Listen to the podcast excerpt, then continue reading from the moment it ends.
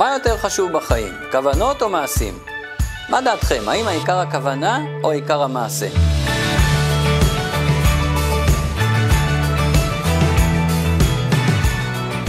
בואו ניתן לזה כמה דוגמאות מחיי הזוגיות ותגידו מה אתם אומרים.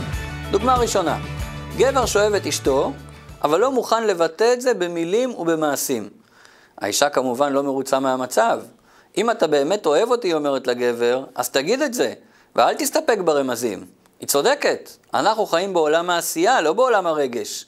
ולכן האישה מצפה מבעלה שיוריד ויבטא את הרגשות בדיבורים ובמעשים.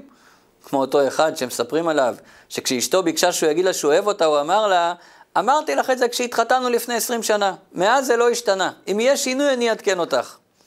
אוקיי, דוגמה שנייה, בעל שאוהב את אשתו, וגם מוריד את זה למעשים, אבל לא למעשים בצורה שהיא מצפה, אלא כמו שהוא רוצה. כמו אותו אחד שקנה לאשתו לכבוד יום ההולדת ה-40 שלה, מתנה מאוד מיוחדת. מה הוא קנה לה? מכסחת דשא. למה? הוא פשוט חשב מה הוא היה רוצה לקבל, והשליך את הרצון שלו עליה. כמובן שגם במצב הזה היא לא תהיה מרוצה, שוב היא צודקת. כשאמרתי תוריד את האהבה למעשים, התכוונתי למעשים שאני רוצה ואוהבת, היא אומרת לו, לא מה שאתה רוצה ואוהב.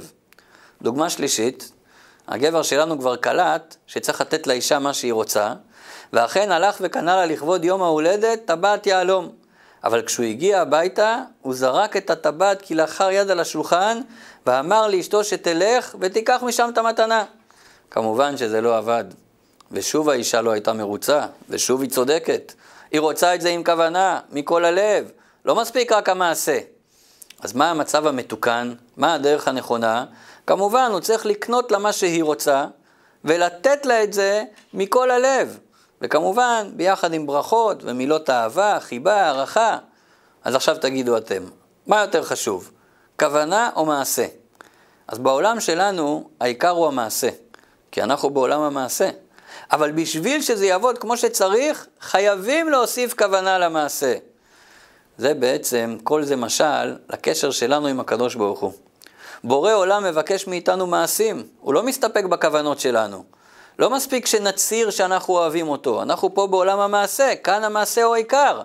אבל המעשה הזה צריך לצרף כוונה. לעשות, אבל לעשות באהבה.